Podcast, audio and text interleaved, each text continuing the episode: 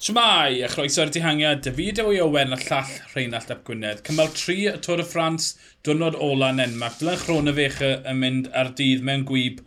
Ond cyn trafod y rasio, angen llon gyfarch Denmark am creu partio amgylch y Tôr y Ffrans.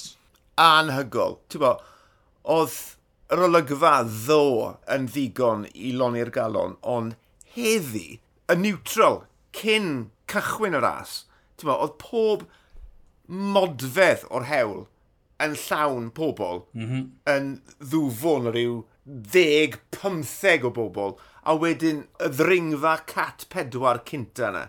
O'n i wedi syni, oedd rhaid i fi gyfadde, o'n i jyst meddwl, yn amlwg, cofio nôl i swydd efrog, oedd hwnna'n ddigon hynod, ond oedd hwn ar, ar lefel gwbl wahanol. Waw! da iawn Denmark!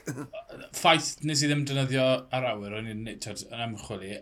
Um, I fod, llynedd, oedd hanner cynulleidfa teledu Denmark yn gwylio'r Tôr y Ffrans. Dim ond Flandres sy'n uwch yna, felly twyd, yn golygu bod na bod pawb yn y wlad yn fans o seiclo, neu just twyd, rhywbeth fel swydd efrog, lle lot o bobl yn dod mas i wylio'r ras. Mae gymaint o fans o seiclo, twyd, mae gymaint ar y lefel uchaf, felly llwyd ddisgwyliedig bod e'n mynd i fod yn llwyddiant, ond oedd e'n nodedig, yn wedi'i Mans Court unwaith eto mynd ar benni hynna, ac yn dathlu... Gath ei ddwrnod i'w gofio, jyst pawb yn gweud, mawnus, mawnus, o'r holl ffordd am deira. Mae ma rai bod e yn ei ddagre no. Ie, yeah, nes i glywed y cyfweliad ar gychwyn y dydd, a'r cynllun oedd bod e'n mynd mas yn y dihangiad i gipio'r ddringfa gynta mm. i hmm. wneud siŵr bod e'n cadw'r Cris.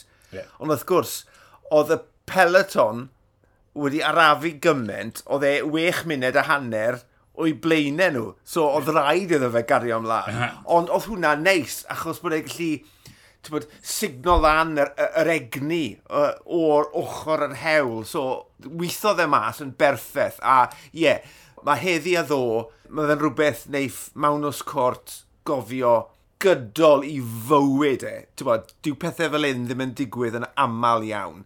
Yn aml, mae beiciwr yn beicio neu'n rasio ar hewlydd cartref, ond mae hwn ar lefel gwbl wahanol. A nath e ddelio ar peth yn berffaith. Ac i EF, ti'n bod, World Tour, ond cyllid bach iawn. Mm -hmm Bo, mae pethau fel hyn yn berffaith i tîm fel a. Mae pawb yn mynd i gofio am EF sy'n nhw ddim wedi clywed amdano nhw ynghynt. Mae nhw'n mynd i gofio nhw nawr. So fe mlaen i'r wyb, dylan chrôn y fech ath hi nawr. Fel o'n i bod yn siarad trwy, trwy dydd, y gornel o 800 metr i fynd oedd yn dyngen dyngynfennol. Quick step yn dod i'r blaen, ond Jacobs ar esgwydd dde, oedd Christoph ar esgwydd chwyth y Sagan a Jacobson yn bwrw'r breaks colli safle, a nath hwnna wedyn draws newid y wyb yn llwyr, achos dod neb rheolaeth o fe, quick step ysgol ddwy, o, oh, does dim gwibiwr dyn ni, dim pwynt i reoli, Laporte yn mynd amdani 200 metr i fynd, Wout fan Aert yn mynd o'r ochr arall, Sagan Iwan yn ffindo'r drws ar gai, gyda diwedd, chrwyfech yn jyst yn dod trwy ddo pawb ac yn cipio i gyda'r tafliad ola.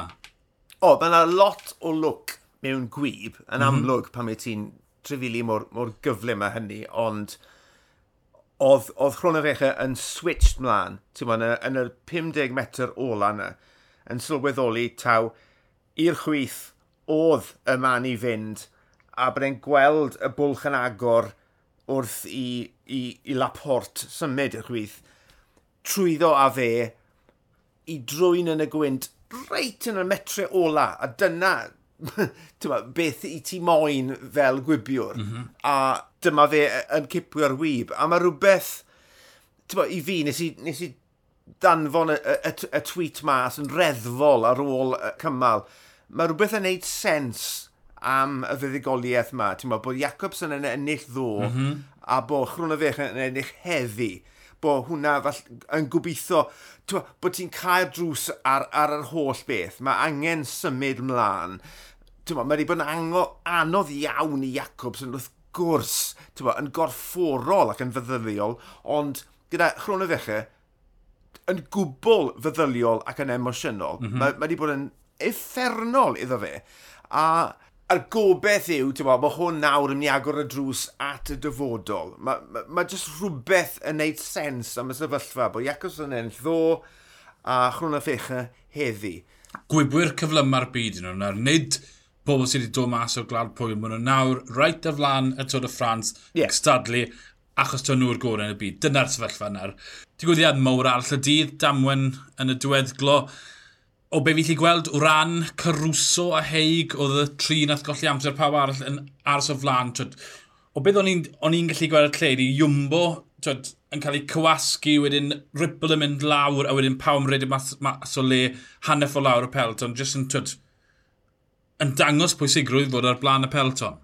O, yn sicr. A Drian ag e, Gana. Diolch i ddiw bod e ddim yn mynd am y dosbarthiad, achos gath ei effeithio unwaith eto, ond ie, uh, yeah, ti'n gwbl gywir. Yn enwedig mewn diweddglo fel hynny, mae rai ti fod yn agos at y blaen, uh, ac ar ôl ddo, gyda'r codwm enfawr yna, mm -hmm. basa ti'n meddwl bydde pob ffefryn dosbarthiad cyffredinol yn neud yn siŵr bod nhw yn y man cywir, ond, dyna fe. Ond, oedd y hewlydd mor fach, to, chwech chwech person allu fod o'r blaen, oedd rhaid i rai o'r ffefrynnau fod ychydig bach yn ôl. Pagacar yn wir yn agos i Ooh, fynd lawr yeah. fyna, twyd ail dynor y bron. Unwaith eto, herwydd ei sgil ar y baic, ond mae fe'n agos. Twyd, mae dy fe, dyw'r tîm ddim yn tynnu ar blaen, mae e'n dewis dilyn olwyn Iwmbo. Mm. War y teitio, mae'n dangos fai mor wych o'r baic, ond mae'r ma, ma, ma look yn agos iawn, mae'r anlwc yn agos iawn i olwyn gefn yna yeah, e, oedd e'n union yr un peth ar y sefyllfa ddo. Twa, fe oedd yr olwyn ola cyn y gyflafan fe, mm -hmm. fel petai. A yeah, ti di sôn am i sgiliau beic. Dyna beth nath achub y boi, ond ti'n sôn am cath a, a, a naw bywyd, ti'n sawl bywyd sy'n gyda Pogacar yn enwedig mewn ras mor bwysig a hyn, ti'n bod, gawn ni weld. Ie, yeah, fi'n credu bod ei dechrau gyda 12-13 bywyd. Wel, dyna'i sgilau. E. Ond yeah, yeah. mae e wedi bod yn agos iawn, mm. a licen ni ddim Lycyn ni ddim temtio ffawr eto falle, jyst pwysio i fod yn agosach i'r blaen. Ond mae wedi gweithio fe hyd ma, dwrnod gorff... Wel, dwrnod teithio fori i'r pelt, peltod, sy'n angen gorffus yn nhw. Cyma pedwar yn gorffen Calais, mae'n disgwyl fel cymal wybio, ond mae yna ddringfa kilometr 800, 10 kilometr o diwedd, dwi e ddim yn addo gwynt ar yr arfordir, ond dyle hwnna falle cael gwared o dios un neu ddoi o'r gwybwyr o'r pelton, fi'n credu.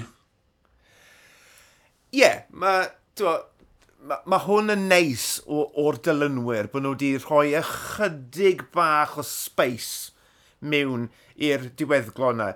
Gawn ni weld. Dwi e ddim yn ormod o her. Falle falle byddai'n golygu bydd un mas o safle, byddai'n disgwyl tyd, mwyafrif y gwybr. A a gwed y gwir, mae mwyafrif y gwybr maf, tyd, wawt, Mas person, Pet Sagan, yn gallu dringo. Hyn o fi Jesper Philipson yn dda. Falle bydd Dylan Chronofech yn colli rhai safleoedd y Philifon yn y safle cywir. Dyna nhw'n off i ni fori, ond y weinwch dyn ni wedi cymal dydd mawrth i drafod mwy am y Tôr y Ffrans. Mae fideo i Owen a'r llall Rheinald Llap Gwynedd, ni o'r dihangiad, hwyl.